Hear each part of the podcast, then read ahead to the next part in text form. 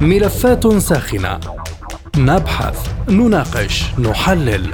نتابع التفاصيل اولا بأول. ملفات ساخنة. برنامج يلقي الضوء على كل الملفات. مع باقة من أبرز المحللين والمسؤولين.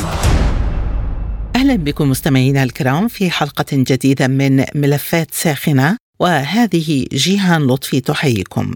في ملف اليوم نناقش الحرب في غزة تكشف ازدواجية معايير الإعلام الغربي. اتهم صحفيون يعملون في هيئة الإذاعة البريطانية بي بي سي مؤسستهم بالتحيز وازدواجية المعايير في تغطيتها للصراع الفلسطيني الإسرائيلي المتصاعد قائلين إنها أولت المزيد من الاهتمام للخسائر الإسرائيلية.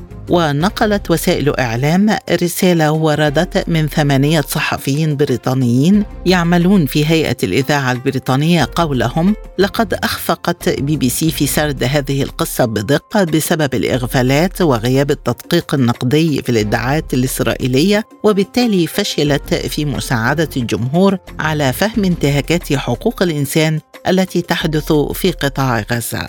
وقال صحفيون إن كلمتي المذبحة والفظائع لا يجوز استخدامها إلا في المواد المتعلقة بأعمال حركة حماس الفلسطينية والتي في رأيهم تخلق مظهرا بأن الحركة هي المصدر الوحيد للعنف في المنطقة.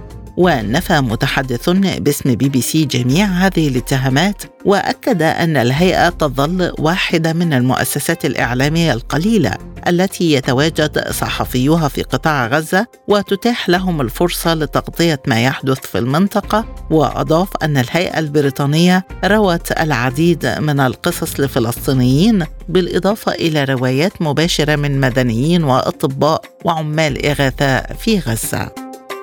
حول ازدواجية المعايير في تغطية الإعلام الغربي لحرب غزة تدور نقاشاتنا في حلقة اليوم من ملفات ساخنة.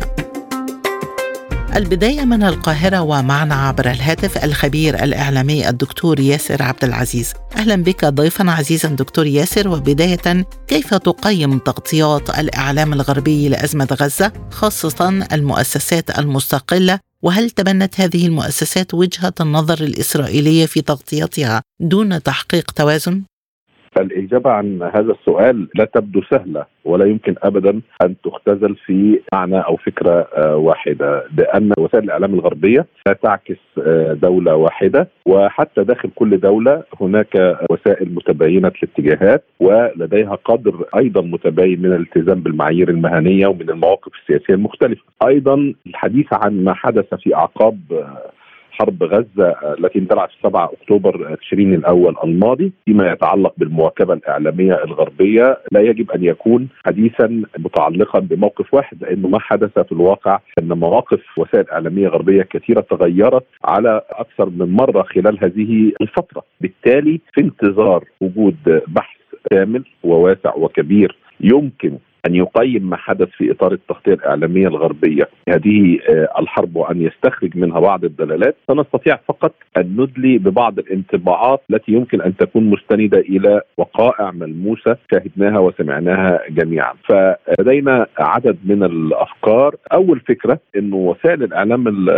الغربية ليست آه، كتلة واحدة. في الولايات المتحدة الصحف في الولايات المتحدة والقنوات الفضائية الكبرى لم تكن هي مثلها في تغطيتها مثل مثلا الصحف والقنوات الفضائية في الدول الإسكندنافية، الأمر أيضا ينطبق على اليابان وأستراليا ونيوزيلندا وهي أجزاء من الغرب، في قلب أوروبا أيضا لا يمكن ابدا أن نساوي بين الإعلام الألماني مثلا والإعلام البلجيكي، وبالتالي كان هناك تباين بين وسائل الإعلام الغربية تبعا للمواقف السياسية ولدرجة وسائل الاعلام بمحددات التغطيات الإخبارية. العنصر الثاني في الأسبوع الأول الذي امتد من 7 أكتوبر إلى 14 أكتوبر كانت وسائل الاعلام في العالم الغربي تحت وقع الصدمة من عملية طوفان الأقصى وكانت بعض الصور والمشاهد التي خرجت في البداية عما فعلته حماس حيال المستوطنين خصوصا المدنيين في غلاف غزة كانت هذه المسألة قطعت أن تؤطر التغطية تاطيرا معينا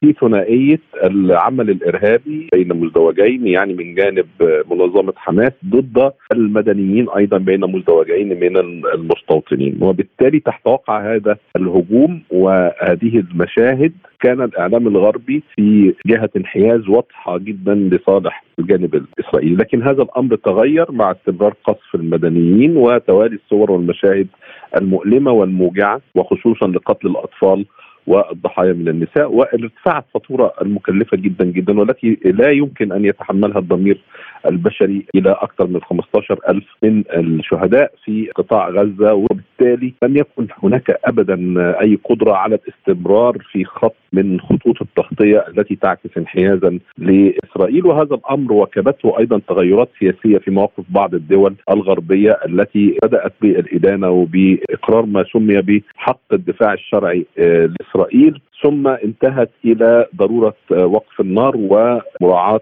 المدنيين وعدم الاستمرار في هذه المعركة ومع تغير هذا الموقف السياسي آه، أيضا حدث التغير في المجال الإعلامي. صحفيون في مؤسسة عريقة ومستقلة مثل بي بي سي أقروا بازدواجية المعايير وتحدثوا عن الالتفاف على مصطلحات عند تغطية الحرب في غزة برأيك هل فقدت هذه المؤسسة موضوعيتها ولماذا تتخلى عن هذه الصفة التي صنعت تاريخها وقيمتها؟ آه بعد العرض الماضي آه الذي أوضحت فيه التذكرة إنه لا يمكن الحكم على وسائل الاعلام الغربية كلها باعتبارها فصيل واحد أو كيان واحد وإنه هذه الوسائط آه، أظهرت قدرا من التفاوت في تغطيتها لحرب غزة وأن هذه الوسائط عدلت من تغطيتها بمواكبة تعديل الخط السياسي أيضا لبعض الدول الغربية. دي ثلاث ملاحظات مهمة أود أن أبدأ بها آه، إجابتي عن سؤالك التالي. بعد هذه الملاحظات آه، أقول أن بعض وسائل الإعلام في العالم الغربي أظهرت انقطاعا تاما عن المعايير والقيم التي تبنتها لعقود طويلة والتي آه، ادعت أنها تشكل إطار تغطيتها.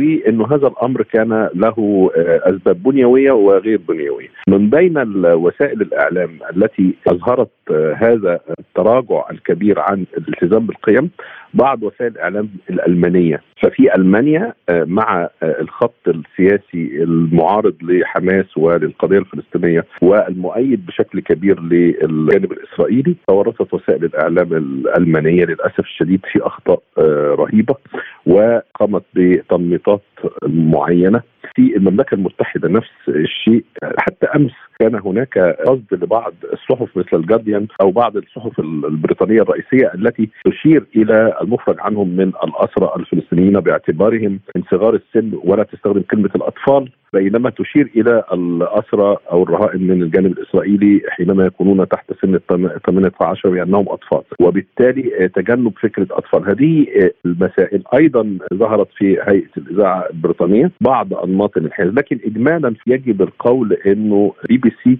كانت أقل انحيازا من بعض وسائل الإعلام الغربية الأخرى وظهرت قدرا أكبر من الالتزام بقواعد التغطية الإعلامية. هذا ما أراه. كانت هناك بعض الأخطاء الكبيرة التي وقعت في معظم وسائل الإعلام. نعم هذا صحيح. لكن بي بي سي بالذات عالجت بعض هذه الأخطاء. ظهرت أيضا مشكلة أخرى حينما قامت هيئة الإذاعة البريطانية بتجميد عمل أو تعليق عمل بعض العاملين بها تحت زعم أنهم أظهروا تعاطفا مع الجانب الفلسطيني في آه، آرائهم الشخصية التي كتبوها عبر حساباتهم على مواقع التواصل الاجتماعي وهذا أيضا أمر أثار الكثير من الجدل. بعض وسائل الإعلام الأخرى أظهرت قدرا كبيرا من الانحياز للجانب الإسرائيلي. الإحساس أو الشعور الكبير الذي ساد العاملين في هذا المجال هو أن وسائل الأعلام الغربية لم تستطع أن تظهر التزاما كافيا بما قالت إنه معايير تعتمدها في تغطيه الأعمال أو في تغطيه الحوادث التي تقع في هذا العالم وأيضا أظهرت تورطا في مناصرة الجانب الإسرائيلي بشكل فاضح في بعض المعالجات. هذا الأمر يخصم من رصيد المهنية لدى هذه الوسائط وأيضا يضعف درجة وجاهتها ويحرمها من القدرة على ملاحقة ما تقول إنه أنماط أداء سيئة في أماكن أخرى من العالم. بالنسبة إلي لم يكن الأمر مفاجئا لأنه الحرب الروسية الأوكرانية في الواقع كانت قد أعطتنا إشارة واضحة إلى أن كثيرا من القيم التي تتوسل وسائل الإعلام الغربية بأنها تعتمدها تسقط مباشرة أمام بعض المصالح السياسية، هذا الأمر حدث حينما شاهدنا الانحياز الكبير في تغطية الأحداث الروسية الأوكرانية لصالح الجانب الأوكراني وقدر كبير من التدليس في الواقع هيمن على هذه التغطية. آه، نفس الشيء انتقل إلى مسألة آه، الحرب آه، في غزة لكن لم تكن وسائل الإعلام الغربية كلها في ذات الخندق. وهناك تباينا بين هذه الوسائل حتى داخل البلد الواحد والنقطة الثانية التي أريد أن أشدد عليها أن الموضوع يتغير في في في غزة على عكس ما حدث في روسيا وأوكرانيا. الموضوع ما زال ثابتا كما هو لكن في حرب غزة الموضوع يتغير مع فداحة ما يحدث من قصف إسرائيلي مجنون وبشع على المدنيين وأن الإطار السياسي أيضا يتغير لصالح فكرة إيقاف الحرب أو الوصول لهدنة أو آه، التعامل مع المدنيين بشكل أقل إجراما في الواقع وهذا الأمر أثر على التغطية الإعلامية التي لم تعد بنفس البشاعة حين بدأت في الأسبوع الأول من طوفان آه، الأقصى.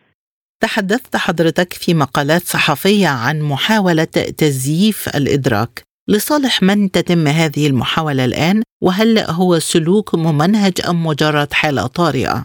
نعم أعتقد أن الحرب الروسية الأوكرانية والحرب في غزة الدائرة راهنا هما عمليتان يمكن من خلالهما رصد ما أسميه أنا عملية إدارة الإدراك العالمي اللي هي ال perception management اللي بتحصل من خلال وسائل الإعلام الكبرى وهي طبعا وسائل نشطة في الغرب تحديدا. فعملية إدارة الإدراك العالمي هي عملية تقوم بها خمس وكالات أنباء آه، كبرى عالمية تهيمن على تدفقات الأخبار وهي مسؤولة عن تقريبا من 70 إلى 80% من الأخبار الخارجية التي تنشر في وسائل الإعلام المحلية في كل العالم، نحن نعرف هذه الوسائل الكبرى وأيضا من خمس إلى عشر وسائل إعلام مثل تلفزيونات أو آه، منصات إلكترونية كبيرة أو صحف كبرى يعني منها واشنطن بوست نيويورك تايمز واندبندنت وجارديان وبعض الصحف الفرنسية مثل لوموند ولو فيجارو وبعض الصحف. أيضا التي تنشط في أوروبا وألمانيا.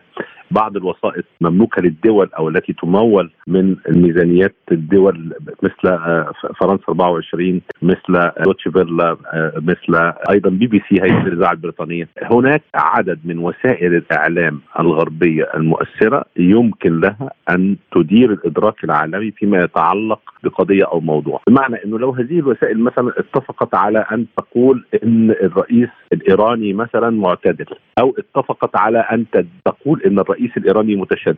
أو اتفقت على أن تقول أن الزعيم آه، آه، الروسي اصلاحي فحينما تفعل ذلك هذه الوسائل وحينما تشدد في رسائلها على استخدام هذه المصطلحات وحينما تتم تغطيتها كلها بهذا التوجه فإن ما تنتجه من نصوص إخبارية لا يقتصر تأثيره على جمهورها فقط. لكن الجمهور العالمي كله يتأثر بهذا الوصف حينما يتم النقل عبر الوسائل المختلفة وخصوصا من خلال وكالات الأنباء الكبرى. طبعا يعني آه، يجب أن يعلم السادة المستمعون أن هناك خمس وكالات أنباء عالمية مسؤولة عن معظم التدفق الإخباري العالمي. جميع الصور آه، التي يشاهدها المشاهدون عبر التلفزيونات حتى لو كان في جنوب أفريقيا أو في فنزويلا آه، أو في باكستان.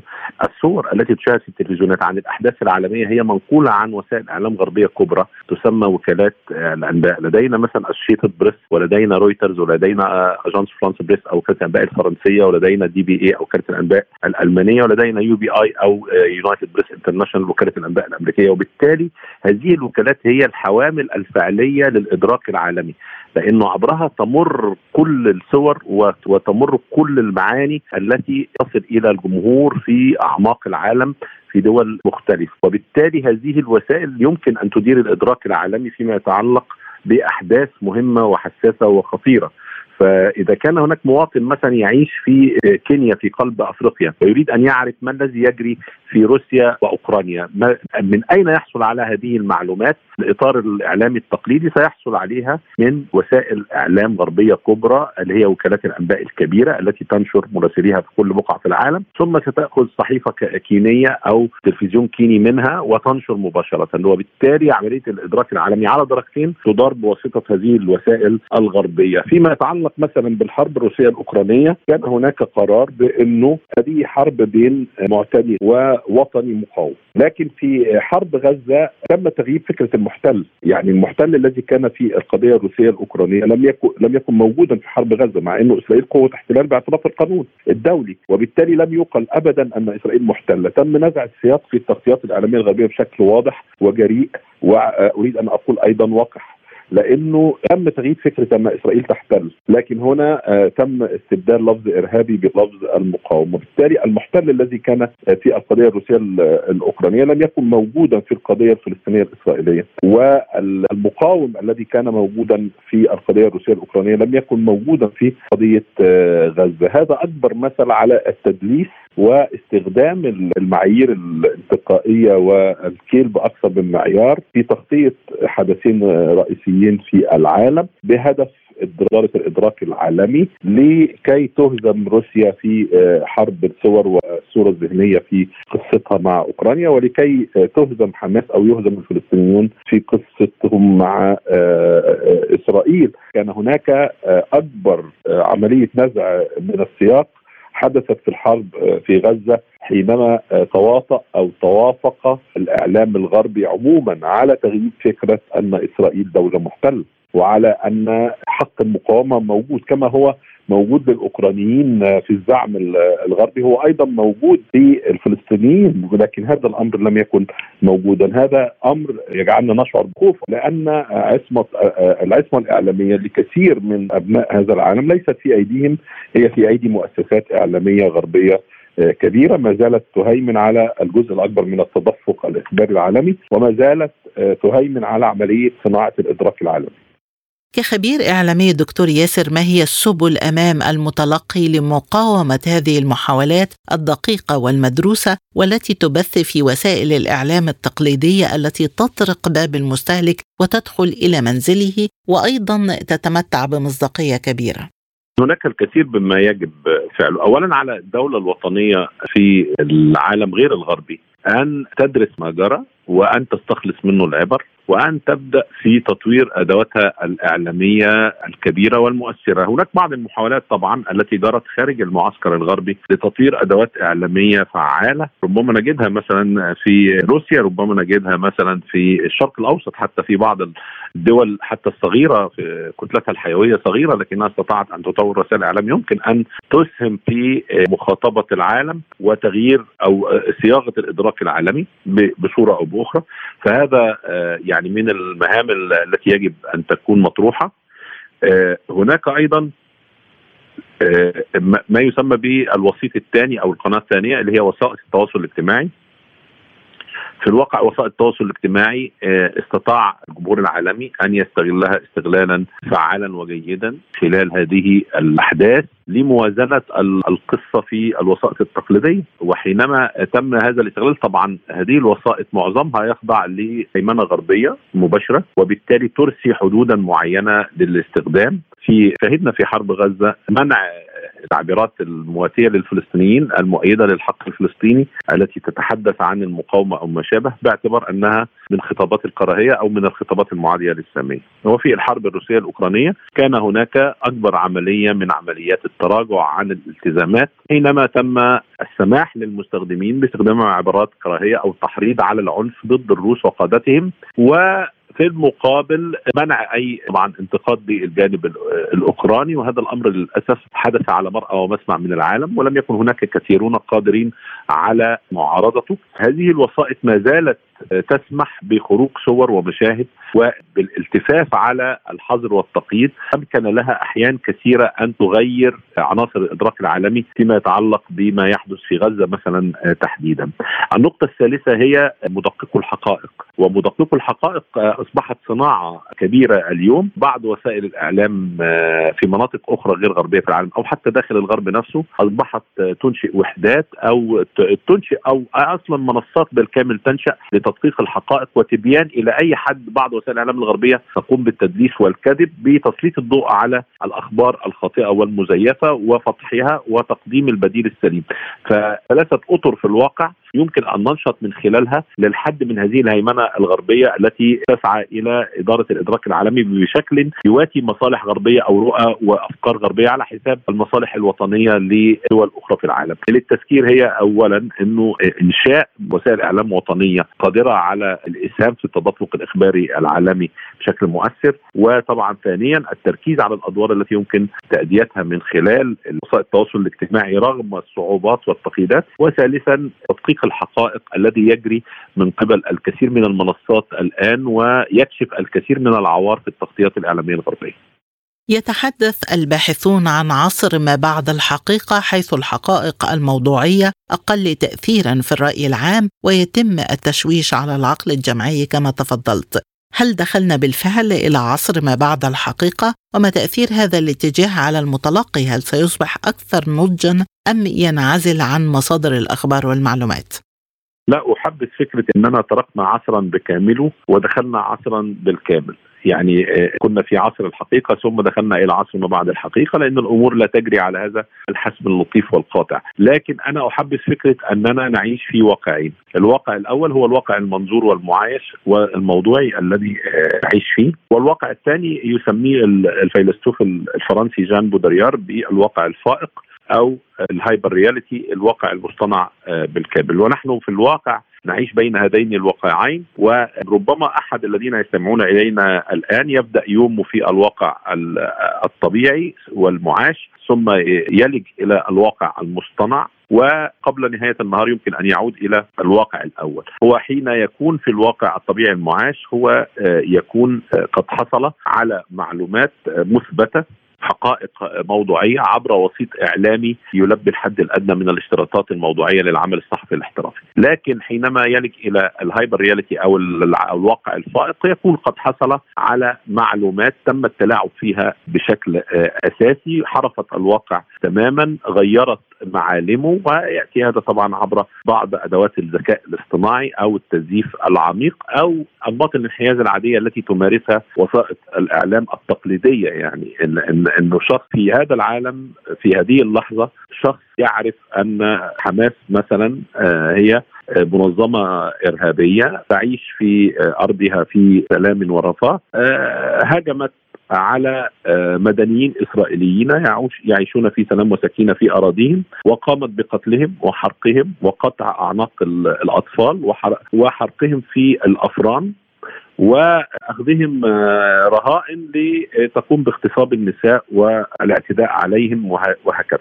هذه الصورة موجودة آه، لدى بعض مواطني العالم، لدى بعض أبناء هذا العالم، وهذه الصورة بها كل أنماط الكذب والانحياز التي شخصتها الأكاديميات عن الإعلام. وبالتالي هذا هو الواقع الفائق هذا الرجل أو هذا الشخص سوف يصوت في الاتجاه الخاطئ سوف يتخذ القرار الخاطئ سوف يبني التوجه الخاطئ لأنه بالضرورة وصلت له صورة منحرفة تماما غيبت السياق حذفت انتقائيا بدلت الأوصاف تلاعبت بالتنميط وأيضا غيبت الخلفية واحتوت على ما يسمى بال distortion of أو تشويه للحقائق. وبالتالي هذا الشخص يعيش في واقع مصطنع بالكامل حين تحاصره الوسائط بجملة من المعلومات الزائفة والمصطنعة والمضللة سوف يعيش هو في الضلال سيكون هذا المواطن في الواقع الفائق. لكن ربما يأتي له آه، وسيط يقدم حقائق بشكل مختلف أو وسيط يصحح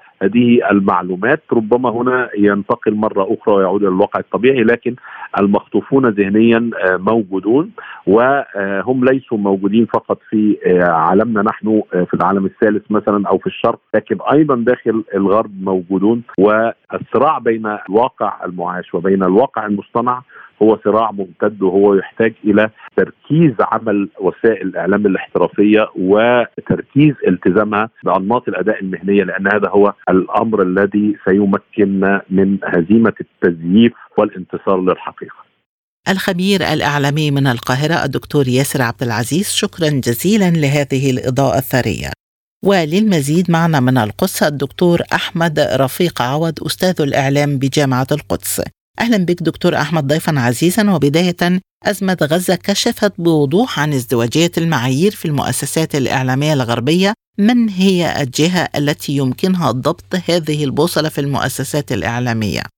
من الصعب أن نقول أن هناك جهة تضبط ذلك لأنه الاحتكار للمعايير الأخلاقية مش موجود والاحتكار والاحتكام للقوانين والقوانين الناظمة لأخلاق المهنة الصحافه أيضا مش موجوده لأنه الصحافة العالمية على الأقل المنصات الكبرى مملوكة لبيوتات المال والبنوك والشركات الكبرى واللوبيات المختلفة اليهودية والصهيونية آه، وغيرهما. وبالتالي آه، لا يعني لا يمكن القول أن هناك من يستطيع أن يضبط هذه الانحيازات وهذا التوظيف السياسي والتجنيد لأنه كل صحافة وراها ممول. يعني ليس هناك صحافة بريئة ولا صحافة مطهرة.